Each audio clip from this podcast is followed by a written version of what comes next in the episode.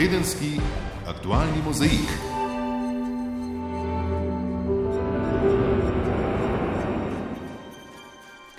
Niso večne le dileme, hotenja in ideje, ampak tudi temačne plati človeške duše.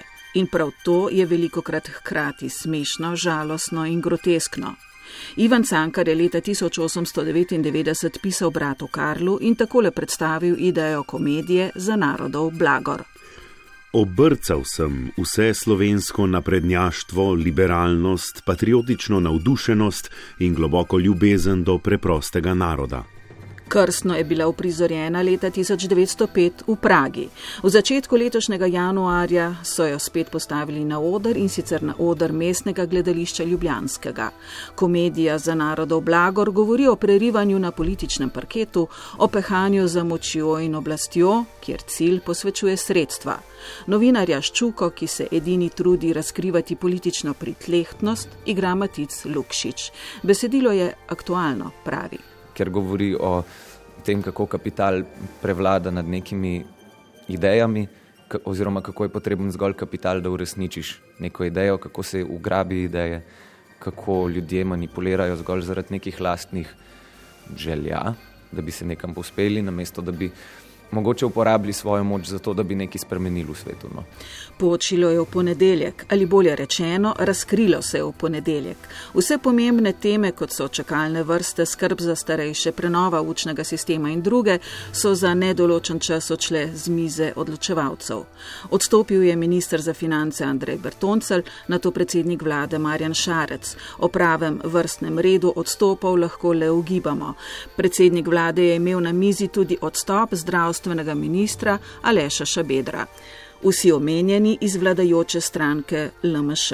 Kaplja čez rob je bila napovedana ukinitev dopolnilnega zdravstvenega zavarovanja. Za finančnega ministra predlagana sprememba, katere breme bi padlo na proračun, ni bila sprejemljiva. Tudi zdravstveni minister obstoječemu predlogu ni bil naklonjen. V javnosti se je začela razkrivati paleta razlogov in krivcev. Marjan Šarec. In ljudje po terenu me veliko sprašujejo. Predsednik, dajte to, predsednik, dajte ono, predsednik, dajte nekaj tretjega. In z vsemi temi prošnjami in predlogi se seveda strinjam. Vendar s to vlado tega pač ne morem doseči. Zato je najbolj pošteno, da gremo na prečasne volitve, še danes pa bom poslal mojo odstopno izjavo v državni zbor. Odzivi, prelaganje krivde na druge, jeza, za nekatere predvidljiv konec vlade, za druge presenečenje. Matjaš Han, SD. Ne bom nobenega učil, kaj mora narediti, vendar, če ne moreš delati, je najmanj, da pokličeš v petek ljudi, pet predsednikov stranke, reče, fanti moji in dekleta, jaz ne morem več. In odstopiš. Ker jaz nisem, ker jaz sem 15. januarja mislil, da smo še brez frendi. Ne? Nekdani minister za finance Dušan Mramor. Dokler je še dovolj javnih financ, da se zadovoljujejo te interesi po delitvi, toliko časa to še nekako gre, kot to zmanjkuje in zmanjka, kar je v pri tem primeru se zdaj zgodilo, ker jaz mislim, da smo že verjetno nekoliko čez sposobnosti, eh, potem seveda tako taka vlada razpade. In če se vrnemo k izvorni kapli čez rob, dopolnilno zdravstveno zavarovanje, pereče vprašanje te in predhodnih vlad, kljub predlogu ukinitve strani levice in podpore LMŠ, ostaja koordinator levice Luka Mesec. Tako da se zdaj ta zakon, ki bi ga vi navijate, da se ga odreže, je v resnici pač s pomočjo eh, najbolj oportunističnega dela sredine že na hladnem, tako da boste lahko vzajemno eh, pil šampanski, ga verjetno že eh, hladite. Proti ukinitvi so glasovali v SDS, Novi Sloveniji, nacionalni stranki Desusu in SMC in zavrnili napovedi o morebitnih političnih povezavah. A v politiki je pač ogromno besed, ki se lahko že čez noč pometejo pod preprogo. Izrisali sta se dve možnosti oblikovanja nove vlade koalicije, ki bi se zbrala okrog največje parlamentarne skupine SDS ali predčasne volitve. V teh dneh, ko se že oblikujejo volivni štabi, je dogajanje odločanje postavljeno v vrvež pogovorov, tajnih in javnih, resničnih pol in lažnih informacij, gotovo tudi skrbi manjših strank, katerih ponoven vstop v parlament je vprašljiv. V vsakem primeru se bodo karte po 16-mesečnem vladanju Marjana Šarca ponovno premešale. Več o možnih razpletih v nadaljevanju Tama.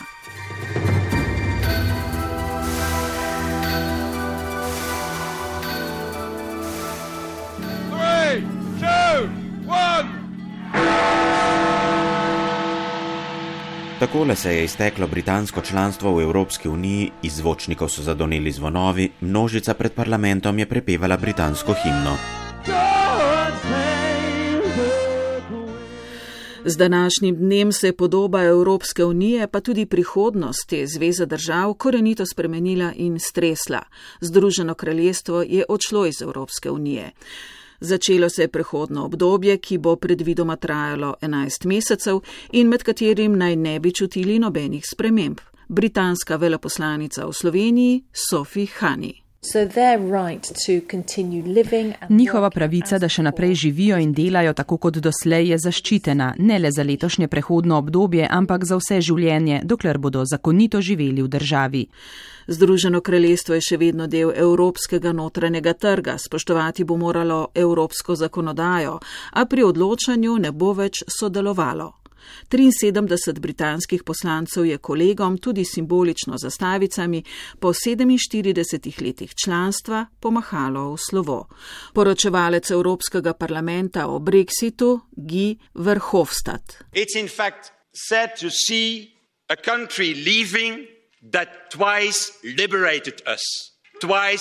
Žalostno je gledati, kako nas zapušča država, ki nas je dvakrat osvobodila, ki je dvakrat dala kriza Evropo. Kakšno je vzdušje prvi dan odcepitve, nam bo malo kasneje povedal posebni poročevalec RTV Slovenija Adrian Bakič, ki dogajanje spremlja v Londonu.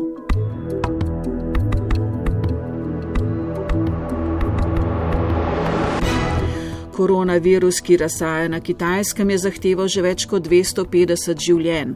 Virus, ki je ohromil življenje, se je razširil že po vseh kitajskih regijah. Javni promet v večini kitajskih mest je zaustavljen, zaprti so kinematografi znamenitosti, odpovedane so množične prireditve. Kitajska provinca Hubei, kjer je mesto Wuhan, je karantensko območje za približno 50 milijonov ljudi. Državne šole, vrci in univerze ostajajo zaprti. Italija je z ukinitvijo letalskih povezav s Kitajsko postala prva evropska država, ki je uvedla ta ukrep. Zaradi suma okužbe enega od potnikov, križarke so v pristanišču blizu Rima v karanteni zadržali več kot 6000 potnikov. K sreči je šlo za lažni preplah. Evropska unija je začela evakuacijo svojih državljanov. Več letalskih družb je ustavilo lete na Kitajsko. Potem, ko Svetovna zdravstvena organizacija najprej ni razglasila izrednih razmer, je odločitev spremenila. Direktor organizacije Tedros Anthanom pojasnjuje, da ne gre za nezaupnico Kitajski. Because of what is happening in China.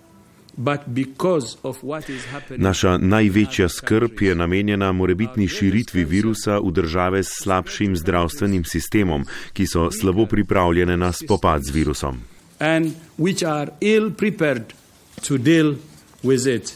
Zaradi virusa se žal širijo predsotki proti Kitajcem. V Kanadi so oblasti posvarile pred diskriminacijo kitajskih kanačanov, v Južni Koreji in Maleziji je na stotine tisoče ljudi podpisalo peticijo proti vstopu Kitajcev v državo. Kakorkoli, globalizacija pomeni v takih primerjih nevarnost za celotni svet. Razmere vplivajo tudi na turizem in druge veje gospodarstva, tudi na slovenska podjetja, več v nadaljevanju Tama.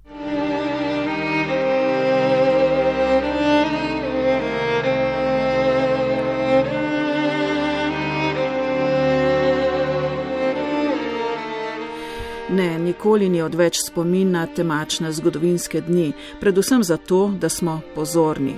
Letošnji moto obeležitve dneva spomina na žrtve holokausta 27. januarja nosi zlovešče sporočilo: Imamo temačne slutnje, ker vemo.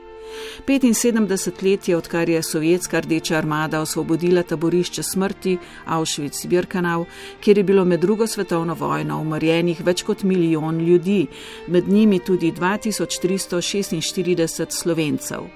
Živa pričevanja, kako kruti in nečloveški so lahko ljudje, se rečijo, se je preživelih internirancev vse manj. Avraham Haršolov opiše, kako je bilo po osvoboditvi.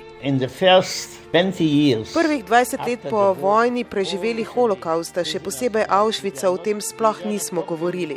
Nismo govorili zato, ker ljudje niso verjeli, da govorimo resnico. In potem so spraševali, poslušaj, če je bilo vse tako slabo, kako ste potem preživeli? In zgodba preživetja je zelo zapletena.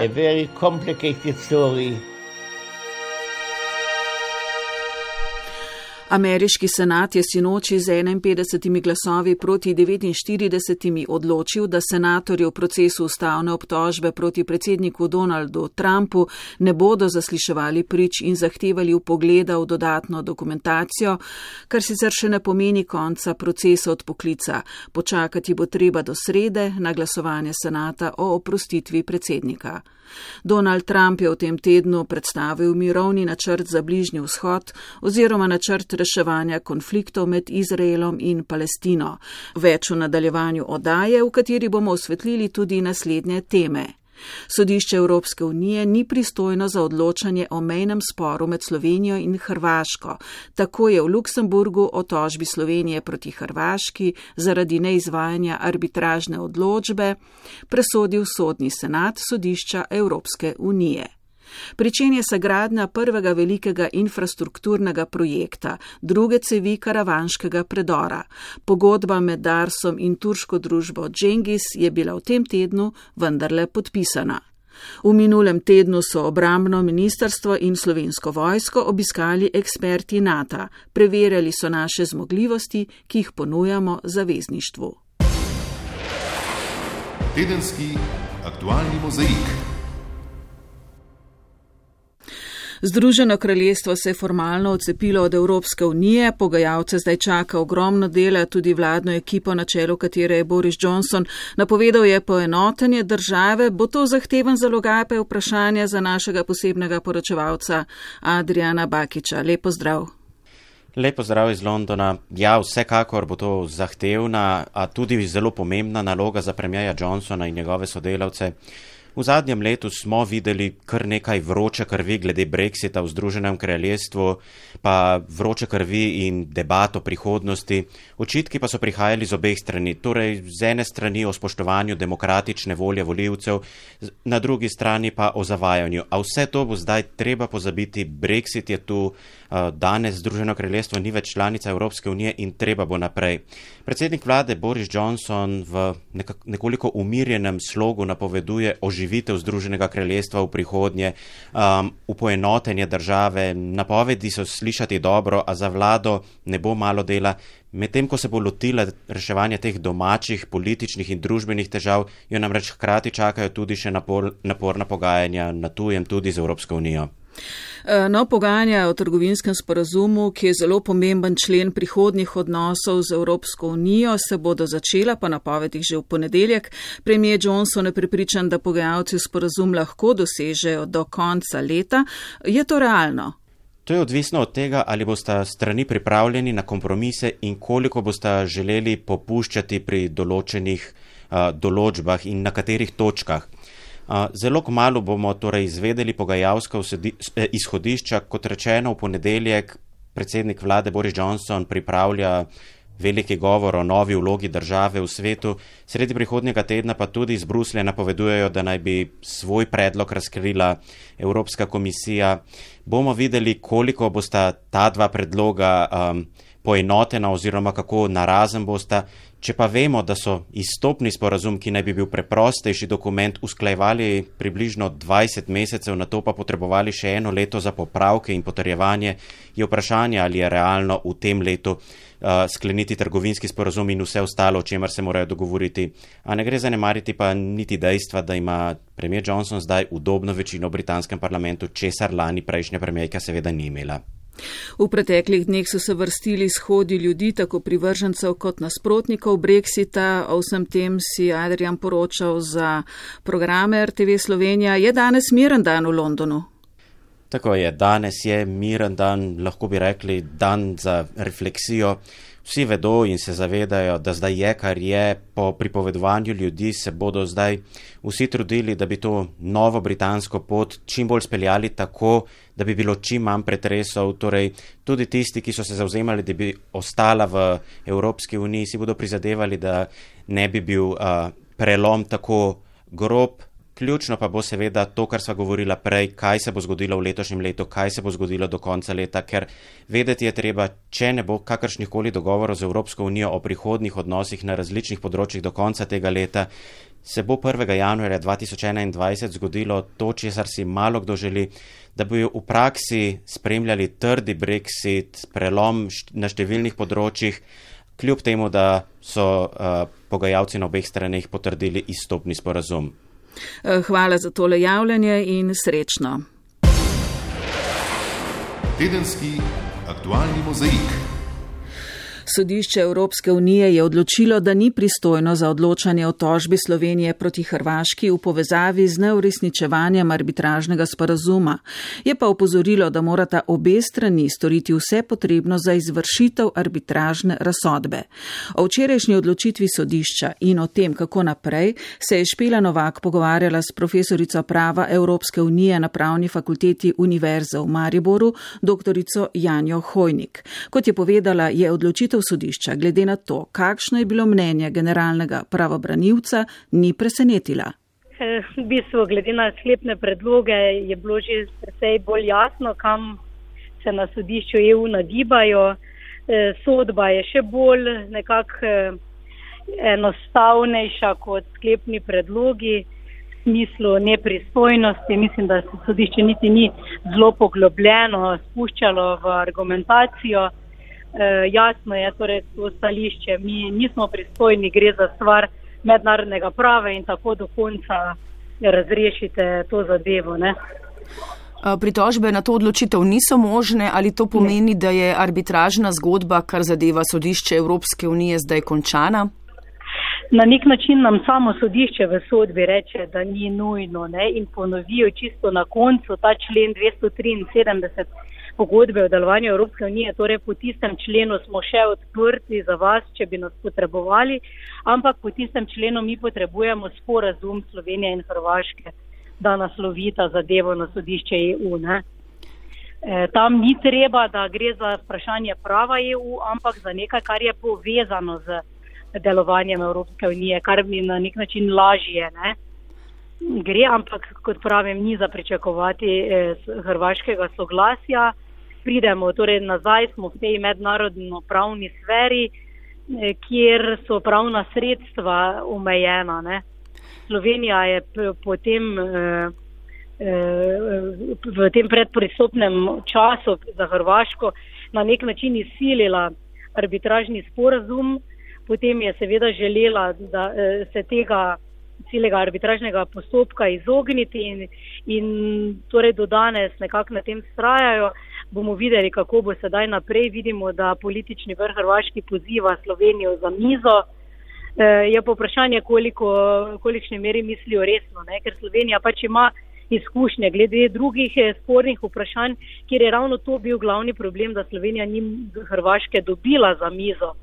Ne, ko je Slovenija pisala vabila, da se dobijo, tudi urejala, recimo glede eh, varčevalcev takrat v Bazlu, eh, razne medijatorje, ne pa se Hrvaška ni odzivala. Mm. Tako da to je težava in zaradi tega se mi zdi vseeno, jaz pozdravljam to, da je Slovenija poskušala po vseh pravnih poteh nekako priti do, do, do pravnih eh, eh, rešitev medtem ko Hrvaška mislim, da nima interesa, da se spori rešujejo, kar pa za prihodnje generacije ni dobro. Hmm. Kakšno težo pa ima opozorilo sodišča, da morata državi storiti vse potrebno za izvršitev arbitražne razsodbe, zlasti v kontekstu tega, da tudi samo sodišče sveda ugotavlja, da ni pristojno za to vprašanje? Ja, torej več kot ta en odstavek ni moglo reči, glede na to, da je pač po celi sodbi izpostavlja nepristojnost. Zdi se mi pomembno in hočejo na nek način, se mi zdi tako starševsko do obeh držav eh, nastopiti, ne, češ bodite zreli in rešite spor. Ne. Eh, kot pravim, vseeno smo pa zdaj sami, nekako Slovenija, Hrvaška in sami eh, bomo morali nek, to rešiti, če se bo dalo. Mm. Aha, in uh, seveda sledi vprašanje, kaj torej ja. zdaj, ne? kako bo Slovenija um, uresničila arbitražno razsodbo. Zdaj nekako te vzvodi pritiska, uh, zdaj jih ni več. Ne? Ja, Slovenija bo, kot je videti, naprej do, pisala dopise v Zagreb. E, bomo videli, če bo še kakšna druga država članica, verjetno bi bilo to pomembno. Ne? Recimo Nemčija, eh, morda po, po koncu predsedovanja, ne vem, bomo videli. Skrbi me to, da, eh, da se je že večkrat izkazalo, da hrvaški politični vrh deluje tako na nek način. Eh, kot da, da so oni tudi zrela demokracija, ja, jih vabimo vas za mizo in to, kasneje pa se niso pripravljeni pogovarjati oziroma ne delati kompromisov. Ne? In če ne naredijo kompromisa, ampak želijo samo to, kar je njihov interes, potem se ne pride do rešitev. In mislim, da še dan ali dva nazaj Plenković izjavi, da ne da pe, niti pe, pet, pet na eh, Hrvaškega morja. Ne? Skratka, zgodba se bo verjetno še vlekla. Doktorica ja. Janja Hojnik, hvala za ta pogovor, lepo zdrav. Hvala vam. Zdaj pa o glavni domači aktualnosti, pacu vlade. Kako naprej je zdaj osrednje vprašanje? Nataša Mulec. Po presenetljivem padcu vlade Marjana Šalca so se stranke začele pripravljati na prečasne volitve, čež da edina pot do oblikovanja nove parlamentarne večine vodi preko novičnega preštevanja na volitvah. Da mislijo z odhodom na prečasne volitve resno in da jih v novičnega tehtanja pri voljivcih ni strah, je večina strank pokazala z ustanovitvijo volivnih štabov. A to je le ena plat dogajanja, ki smo ga opazovali v iztekajočem tednu. Hkrati s poročilom večine, da so pripravljeni na volitve, so v nekaterih strankah, SDS-u, SMC-ju, Novi Sloveniji, Desusu in SNS-u, sporočili še, da so pripravljeni na pogovore o novi koaliciji. Aleksandra Pivec je mandat za pogovore v imenu Desusa dobila v četrtek. Z današnjim dnem in sklepom organov stranke pa velja, da ta mandat za pogovore uradne imam edino jaz in da potem jaz sem tista, ki oblikujem ekipo, ki bo na te pogovore eh, hodila z mano. Tako da jaz od danes te pogovore smatram za resne eh, in zavezojoče glede na sklepe stranke. Predsednik SMC-ja Zdravko Počivalšek gre po mandat stranke v ponedeljek. Pričakovati je, da se bodo sicer zauzeli za prečasne volitve kot vse stranke doslej, a s poudarkom na pogovorih o morebitni novi koaliciji. Mi bomo najprej prečekirali možnost formiranja stabilne vlade, ki bo imela svojo vsebino. Pri počivalšku je bilo mogoče opaziti, da je v začetni fazi, torej takoj po Šarčevem odstopu, sprejel vlogo nekakšnega koordinatorja, saj je bil prav on tisti, ki je pri kolegih v preostalih strankah preverjal pripravljenost za pogovore o novi koaliciji. Ključno besedo bo imela seveda SDS, njena cena za vodanje vlade je od četrtka znana. Trdna koalicija, ki bo končala mandat, na čelu katere bo Janez Janša, je napovedal vodja poslancev SDS-a Daniel Krivec.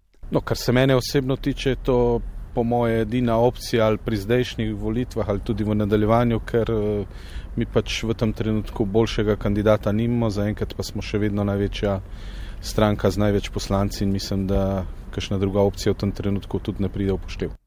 Če sta SMC in Deso še pred volitvami leta 2018 in po njih zatarjevala, da se z Janša v koaliciji ne vidita, je treba v danem trenutku vedeti, da sta stranki v letu in pol spremenili vodstveno strukturo in da Počivalšek in Pivčeva svojega političnega kreda ne temeljita na nasprotovanju Janši, celo nasprotno, za njo je delitev na leve in desne oziroma ideologija preživeta oblika. In kako trdno vlado bi lahko sestavile omenjene stranke, nova koalicija bi imela 48 parlamentarnih glasov ob zunani podpori SNS in dveh poslancev narodnih skupnosti, bi šlo za udobno parlamentarno večino. A ne gre pozabiti, da je ta hip do prečasnih volitev toliko kot do oblikovanja nove koalicije. Nekoliko jasnejši odgovor na vprašanje, v katero smer se bo nagnila tehtnica ali v smer volitev ali nove vlade, bo znan prihodni teden, ko bo predsednik republike Borut Pahor od torka do četrtka upravil posvetovanja z vodi poslancev o tem, kako naprej. Tudi za en, ki je ta hip gospodar postopka, sta odprti obe poti. Najpomembneje pa, da Slovenija dobi vlado s prepričljivo parlamentarno večino. Zlasti, če bi prišlo do oblikovanja nove vlade brez predčasnih volitev, je pomemben tudi program njenega dela. S tem bo dala vlada javnosti jasen signal, da so koalicijske stranke skupaj v novi vladi zato, da uveljavijo ta skupen program in ne zato, ker jih je strah predčasnih volitev. Če nove koalicije ne bo, pa ni nobene skrbi tudi glede predčasnih volitev. Te bodo kljub odločbi ustavnega sodišča legitimne, ustavne in legalne. Rok, ki ga je za uveljavitev ustavne odločbe o spremembi volilnega sistema naložilo ustavno sodišče, se namreč izteče šele konec tega leta. Predsednik republike bo, kot je napovedal, nadaljeval prizadevanja, da bi državni zbor pravočasno spremenil ali dopolnil volivno zakonodajo. Državni zbor je, kot smo omenili že v uvodu, pokopal možnost ukinitve dopolnilnega zdravstvenega zavarovanja. In kaj zdaj?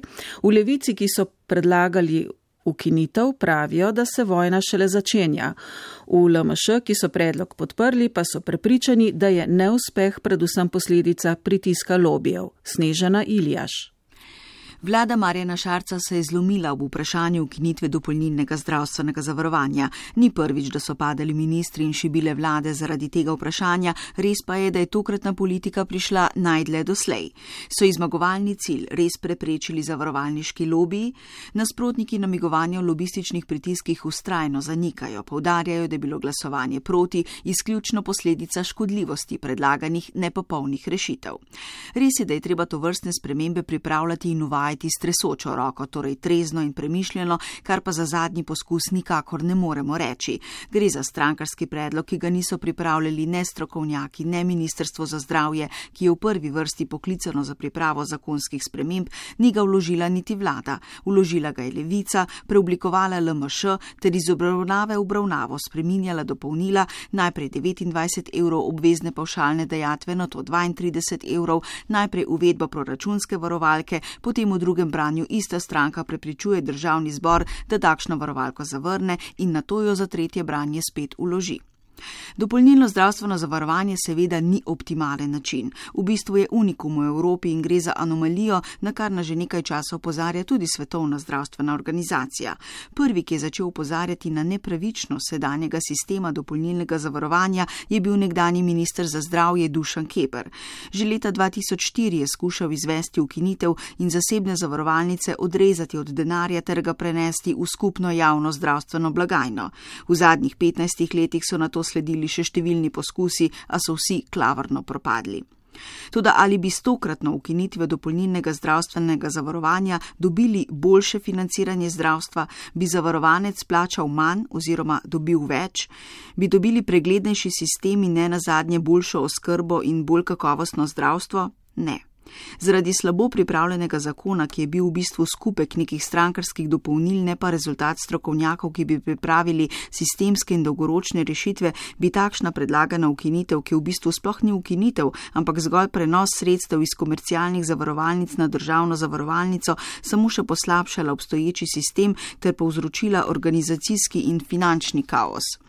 Ne na zadnje se je takšnemu prenosu sredstev upiral celo Zavod za zdravstveno zavarovanje, ki bi s tem pravzaprav dobil monopol.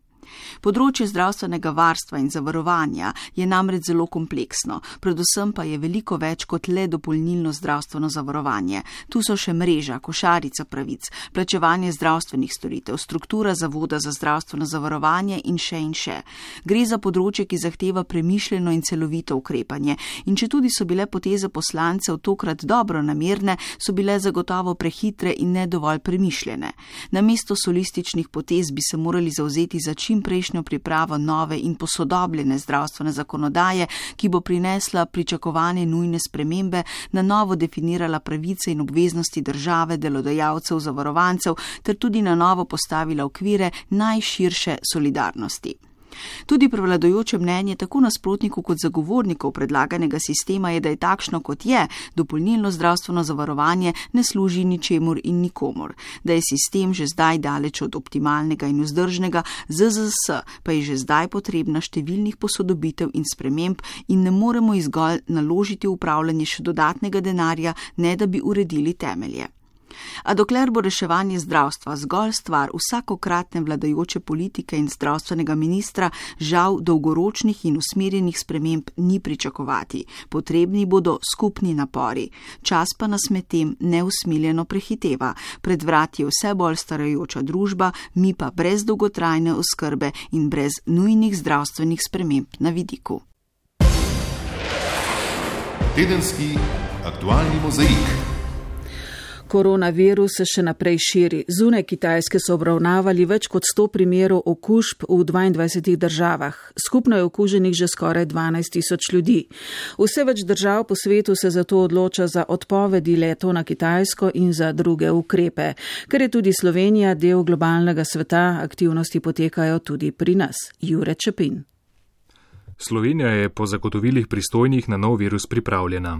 Imamo algoritem za obravnavo ljudi s sumom na obolelost, zdravstveni delavci so seznanjeni s postopki, vzpostavljena je laboratorijska diagnostika, pravi državna sekretarka na Ministrstvu za zdravje Simona Repar Borenšek. Mislim, da je posebno pomembno povdariti, da neke posebne zaskrbljenosti naših državljanov eh, ni potrebno. Eh, mi smo pripravljeni, vsi zdravstveni zavodi, vse druge inštitucije v državi imajo navodila, ne soočamo se prvič v zgodovini s tako grožnjo, kar pomeni protokoli v zdravstvenih ustanovah, bolnišnicah, zdravstvenih domovih in drugih inštitucijah so. Tako da jaz mislim, da najbolj pomembna informacija za naše državljane je, da je prav, da so seznanjeni z težavami, z primeri, ki prihajajo, ampak vendarle, da na posameznika to nek poseben strah naj ne bi bil prisoten. Tudi na ljubljanskem UKC-ju mirijo, da je kakršnakoli panika pri nas nepotrebna in odveč.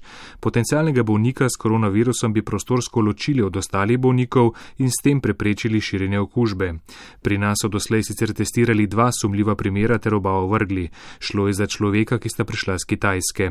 Popraševanje po testiranju na novih koronavirus se je v zadnjem obdobju precej povečalo, a morajo biti za testiranje vendarle izpolnjeni določeni pogoji, pojasnjuje Tatjana Lejko Zupanc, predstojnica infekcijske klinike. Ljudi, ki so potencialno bili v krajih, kjer se ta virus širi, ali pa so morda bili v isti državi, vemo, da je Kitajska ogromna. Ne? Tudi, če nimajo nobenih simptomov, nekateri si želijo testiranje, vendar tukaj ni nobene indikacije za testiranje. Če pa je nekdo potoval po teh krajih ali pa bil v stiku z nekom, ki je od tam prišel in je bil bolan, potem pa vsekakor in če ima zdaj ta oseba tudi težave z dihanjem ali pa kašla ali pa ima druge znake, čeprav večja verjetnost je, da bo gripa, bo pa vse en potestiran, če bo treba. Glede potovanja na Kitajsko pristojni na Nacionalnem inštitutu za javno zdravje pravijo, da to ni najbolj modro. Prepovedi potovanja seveda ni, gre za odločitev posameznika, da prevzame tveganje, ki nastane v povezavi s potovanjem v tem trenutku. Kljub vsemu pa dogajanje okrog izbruha novega koronavirusa vpliva tudi na ponudbo nekaterih slovenskih turističnih agencij, ki organizirajo potovanja na Kitajsko in v sosednje države. Ugodne ponudbe vozovnic s prestopom na Kitajskem so prav za zimske mesece pripravili tudi številni letalski prevozniki. Kar nekaj slovencev je tako rezerviralo lete z bližnjih letališč do Vietnama ali Filipinov z enodnevnim prestopom v Pekingu, pravi Miha Pogačar, urednik spletnega portala po svetu.si, kjer v zadnjih dneh dobivajo predvsej vprašanj glede možnosti vračila kupnine za letalske karte.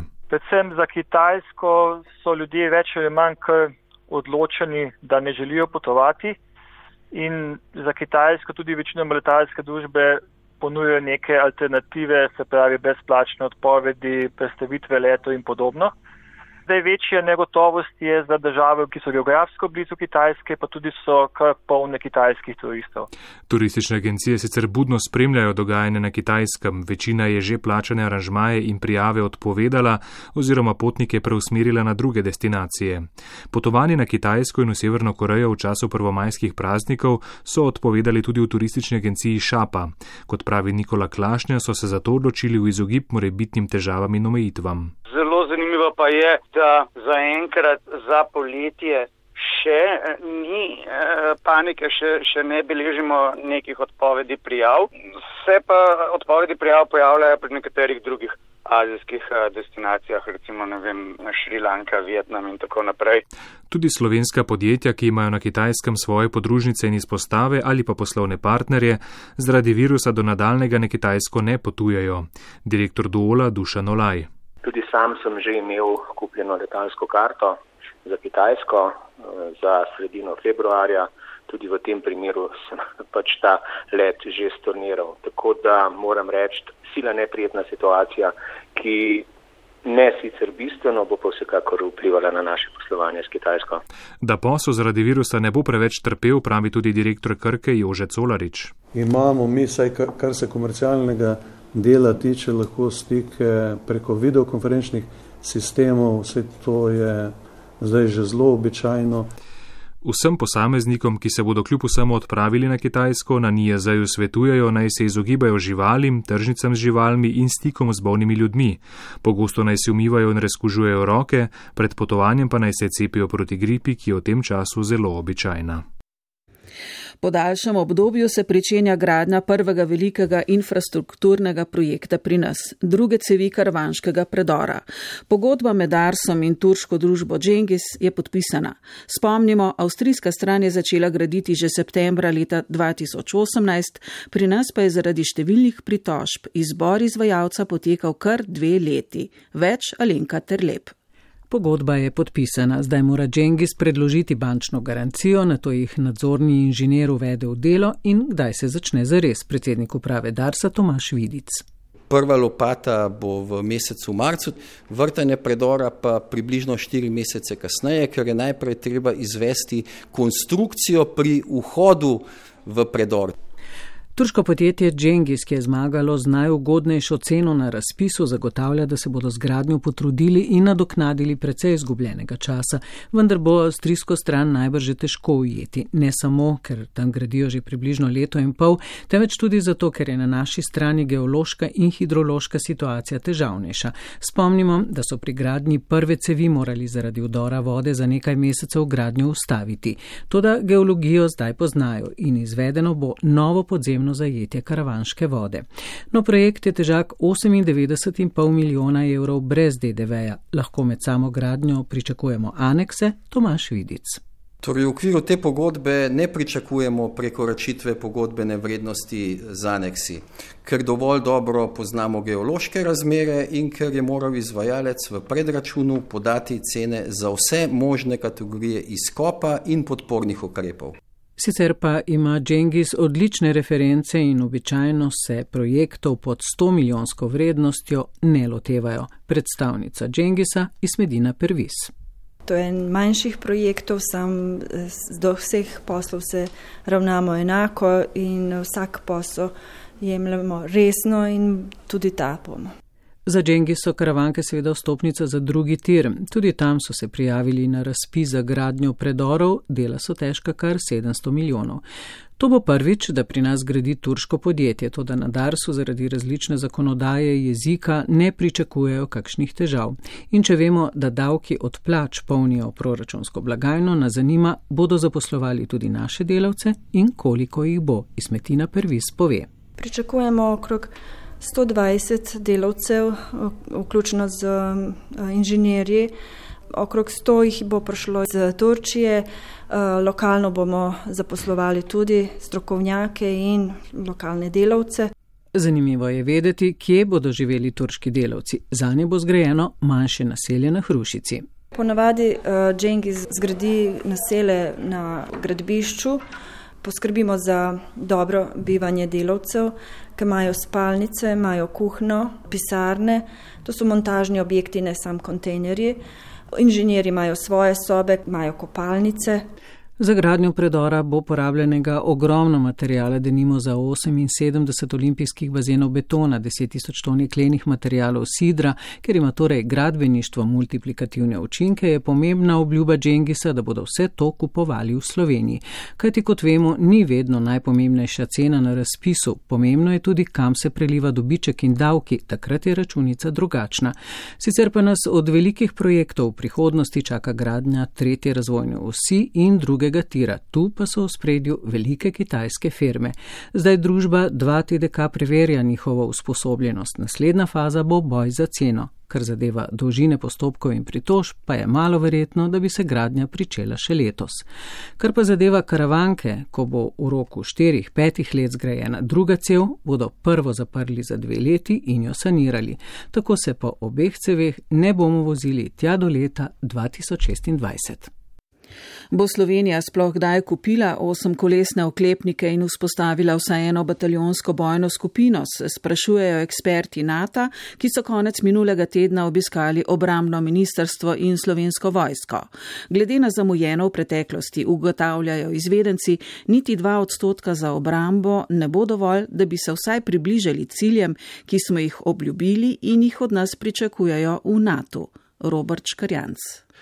Če smo v prejšnjih poročilih inšpekcijskega pregleda brali, da naj Slovenija razmisli, kako bi le dosegla kaj od tistega, kar obljublja zavezništvu, pa so tokrat v NATO sneli rokavice in nam dali jasno vedeti, da smo zavezništvu v vedno večje breme, ter nam v čisto nič diplomatskem jeziku med vrsticami na nek način tudi sporočili, da bi nas najraje izključili zavezništva, če bi nas lahko. Povsem jasno zapišajo, da jim dve srednji bojni bataljonski skupini obljubljamo že vse od leta 2006, a ob vsakem pregledu, ti potekajo na dve leti, rok nekoliko podaljšamo. Zadnjo belo knjigo celo po letu 2030. Zato se upravičeno sprašujejo, ali ob vseh teh naših dejanjih in potezah v preteklosti sploh obstaja volja, da do teh zmogljivosti pridemo. Dejstvo namreč je, da bi vsaj eno bataljonsko skupino lahko že imeli, Poleg obstoječih patri bi morali dokupiti 18 polskih patri z avtomatskimi minometi, kar bi nastalo okoli 150 milijonov evrov, brez davka seveda. A so si nekateri raje zaželeli skoraj trikrat draže bokserje, ter ob tem razmišljali o poslih in koristih, ki bi jih preneslo članstvo v okarju, ter zdrževanje oklepnikov, kar bi opravilo zunanje podjetje. In Nemce, ki so vodilni v tem programu, smo komaj da prepričali, da so nam dovolili vstopi na kup bokserjev, pa smo si tudi tu premislili, zato ni čudno, da tudi NATO-vi analitiki kot očitek omenjajo to zgodbo v svojem poročilu. Ob tem tudi ni nepomembno, da smo takrat o tem, kako kredibilen partner smo, prepričevali nemško obramno ministrico Ursula von der Leyen, ki je le stežka dala zeleno luč za ta posel in je danes šefica Evropske komisije. Do dvoma, ali si Slovenija sploh lahko privošči bokserje, je prišlo po Čarčevo ekipo. Po njihovi oceni bi lahko namreč prišli v situacijo, da bi si kupili Ferrarije, ki pa jih ne bi vozili zato, ker nimamo denarja za gume in benzin zato so od nakupa odstopili, generalštab pa se ponovno lotil taktičnih študij, kaj pravzaprav potrebuje slovenska vojska. In teh študij sploh še ni začel. NATO-vim ekspertom pa tudi niso znali pojasniti, dokdaj bodo končali in zakaj smo na to temo imeli že tri taktične študije, ki pa v bistvu med seboj ne odstopajo. Zato tudi dvom zaveznikov, ali vojska sploh ve, kaj potrebuje. Glede na dosedanje izkušnje so si vedno želeli nekaj takega, kar sploh še ne obstaja in je v razvoju, predvsem pa presega naše finančne zmožnosti. Glede težav na kupih za vojsko kaže tudi že pred več kot letom napovedan podpis pogodbe za helikopterje, pa do kup oklepnikov 6x6, kar sta potrdila tako načelnica generalštaba kot šef logistike, a je minister potem vse skupaj zaustavil. Največji nakup v zadnjih letih tako ostaja nakup oškošev, s katerim pa bomo le nadomestili povsem iztrošene hamerje. Vsa ta izgubljena leta, v katerih nismo naredili nič za opremljene slovenske vojske, pa so pustile posledice, predvsem pri doseganju zmogljivosti sil, ki jih ponujemo zavezništvu. Zato ni čudno, da NATO-vi inšpektori ugotavljajo, da bi morali, glede na zamujeno, takoj dati za vojsko vsaj 2 odstotka BDP-ja. Letos bomo sicer za vojsko dali 1,04 odstotka oziroma nekaj več kot 540 milijonov evrov. Torej bi ob dveh odstotkih za vojsko šlo več kot milijarde evrov. To pa je znesek, ki si ga Slovenija nikako ne more privoščiti. Najprej nas pri tem omejuje fiskalno pravilo in bi torej morali ta denar vzeti komu drugemu.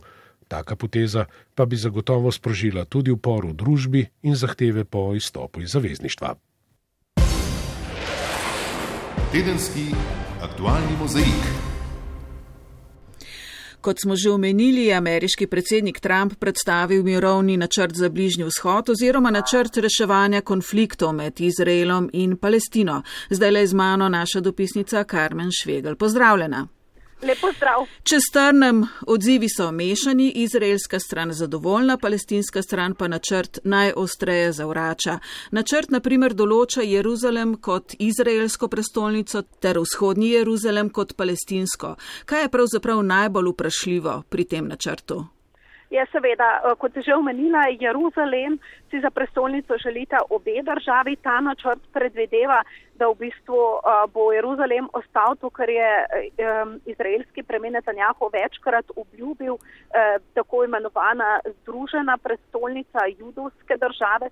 Torej vsa svetišča, celotno staro mestno jedro bo ostalo torej, uh, pod uh, Izraelom. Medtem, ko bi palestinci svojo prestolnico imeli na skrajnem vzhodu Jeruzalema, kar so danes v bistvu uh, neka predmestja, čisto na robu mesta, ki v bistvu ne šteje več za vzhod. Jeruzalema, pa vendarle je tukaj Trumpova administracija to želela tako predstaviti. Potem veliko uh, problema je torej z naselbinami. Uh, torej, uh, Trump je dejal, da nikomor ne bo treba zapustiti svojega doma, kar pomeni torej, da bodo vsi judovski naseljenci lahko ostali na svojih domovih. Tukaj govorimo, da na Zahodnem bregu živi 400 tisoč Izraelcev, v vzhodnem Jeruzalemu pa še dodatnih 200 tisoč. Uh, torej, uh, vsa ta ozemlja bi bila znova del Izraela. Uh, in um, nova palestinska država bi torej res gledala nekako kot švicarski sir, vsa preluknjena. Um, ni jasno povsem, kako bi sploh bile uh, palestinske vasi med seboj povezane, glede na vse judovske naselbine, uh, ki so v bistvu na teh uh, območjih. Tako da uh, ti zemljevidi, ki jih je Trumpova administracija predstavila, so popolnoma nerealistični in logično je, da za palestince nesprejemljivi. Mnogi so celo načrt označili v bistvu za nek dokument kap kapitulacije, ki ga seveda nikakor ne morejo podpisati in seveda ni ga palestinskega politika, ki bi v kaj takega lahko privolil. To si enostavno ne more privoščiti zaradi lastnega ljudstva. E, no, danes je Arabska liga mirovni načrt zavrnila. Je načrt sploh uresničljiv tudi glede na druge, pravzaprav mlačne odzive svetovnih sil? Ne, lahko vidimo, da niti uh, pomembne uh, ameriške zaveznice v regiji, kot je denimo Saudska Arabija, niso načrta pozdravile. Tega si znova niso mogle privoščiti zaradi lastnega ljudstva. Kajti Arabci si želijo, da se najde pravična rešitev. In ta načrt nikakor ne ponuja pravične uh, rešitve. Ta načrt je pisan na kožo izraelskemu premijeju Netanjahoju. Mnogi celo pravijo, da ga je Trump predstavil, da bi mu pomagal uh, biti ponova izvoljen, namreč v Izraelu bodo 2. marca potekale že tretjič prečasne volitve, Netanjahu se znova bori za zmago in to v času, ko se je v bistvu znašel pred sodiščem zaradi uh, korupcije in uh, zlorabe pooblastil. Uh, tako da uh, različna so ugibanja, zakaj je Trump sploh tak načrt predstavil, namreč njegovi svetovalci bi mu morali povedati, da kaj takega v arabskem svetu nikakor ne bo sprejeto, niti ne, kot sem dejala, strani eh, ameriških zaveznic, kaj šele eh, držav, ki niso tako eh, prozahodno eh, usmerjene. Eh, tako da mnogi arabci pravijo, da je nač ta načrt v bistvu zguba eh, časa, nekateri celo svarijo, zakaj provocirajo z načrtom, kajti vidimo, da taki načrti ne prinašajo na bližnjo skot miru. V, v preteklosti smo videli uh, konflikt in celo vojno. No, pa vendar, načrt je znan, kaj zdaj? Uh, zdaj, uh, v bistvu je ta načrt je na nek način uh, predstavljen tako, da vzami ali pusti.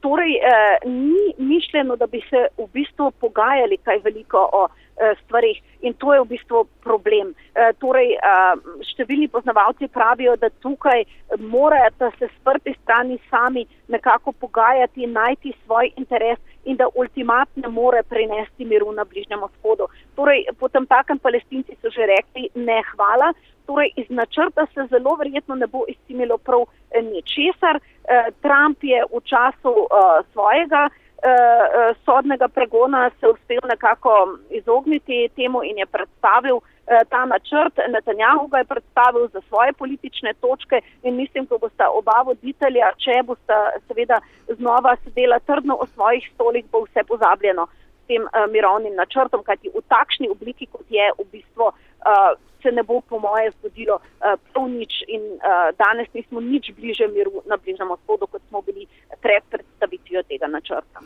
Karmen Švegel, hvala za tvoje javljanje in lepo zdrav. Hvala, lepo zdrav. Tedenski aktualni mozaik. Poslušali ste tedenski aktualni mozaik, v katerem smo se posvetili istopajočim dogodkom. Še nekaj napovedi za prihodnji teden.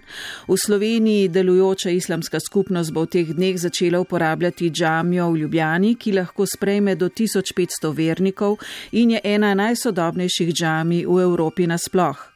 Je prostor duhovnosti in miru, kjer bomo vsakogar sprejeli z odprtim srcem in duhom, poudarja mufti Neđat Grabus.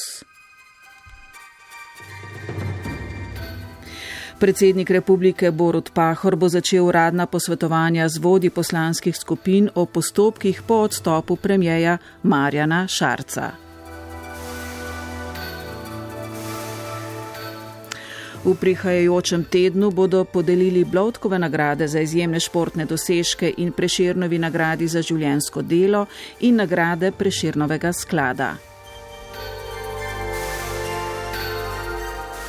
V Bruslju bo potekalo srečanje Evropske ljudske stranke, na katerem naj bi odločali glede članstva mačarske stranke Fides. Evropska komisija in tudi britanska stran naj bi predstavili pogajalska izhodišča za pogajanja o novem trgovinskem sporazumu. V ponedeljek bomo v oddaji studio ob 17. podrobno govorili o teh pogajanjih, o brexitu. Mimo grede z izstopom se je geografsko središče Evropske unije premaknilo proti jugovzhodu in je zdaj na polju v vasici Gadheim v osrednjem delu Nemčije. Studio pripravlja Luka Robida. Tam smo pripravili novinari in novinarke Radia Slovenija. Pred mikrofonom sem bila Darja Groznik. Lep preostanek sobote vam želim.